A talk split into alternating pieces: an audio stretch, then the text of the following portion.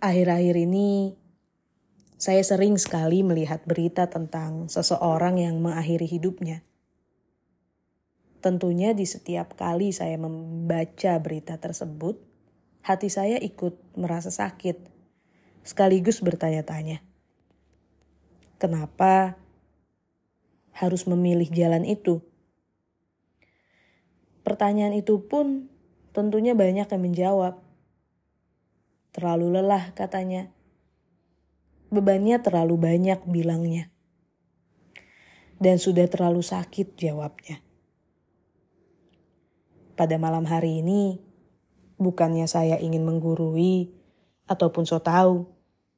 Hanya saja, bukankah lebih baik mencari seseorang terlebih dahulu untuk mendengarkan cerita itu?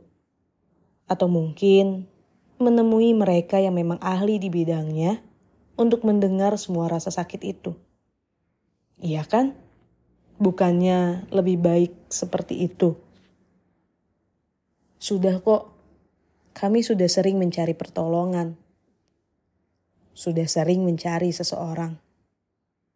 Tapi tetap saja luka di hati, beban di pundak, dan rasa lelah yang sudah menumpuk tak pernah kunjung reda. Pasti itu yang sering saya baca atau dengar ketika ada pertanyaan, bukankah lebih baik yang baru saja saya katakan sebelumnya? Bila boleh, bila boleh saya menjawab, bolehkah saya menjawabnya seperti ini? Bila memang sudah lelah mencari seseorang, bila memang sudah tak sanggup lagi menceritakan itu semua atau tidak tahu harus mulai dari mana untuk bercerita, setidaknya untuk beberapa menit saja.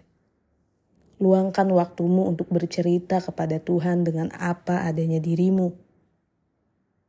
Bila itu juga sulit untuk dilakukan, setidaknya ingatlah satu dua hal yang membuatmu yakin untuk tetap di sini.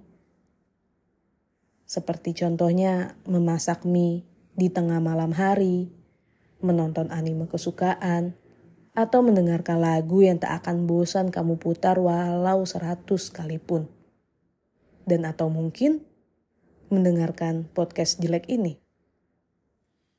Jadi saya harap, dan mungkin ini adalah kalimat pengharapan pertama saya di podcast ini, agar kamu yang sedang mendengarkan podcast ini, yang sedang merasa lelah atas semuanya, saya mohon sekali untuk tetap bertahan.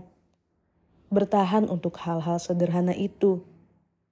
Dan hal-hal yang setidaknya saya yakin dapat membuatmu selalu tersenyum tipis ketika melakukannya.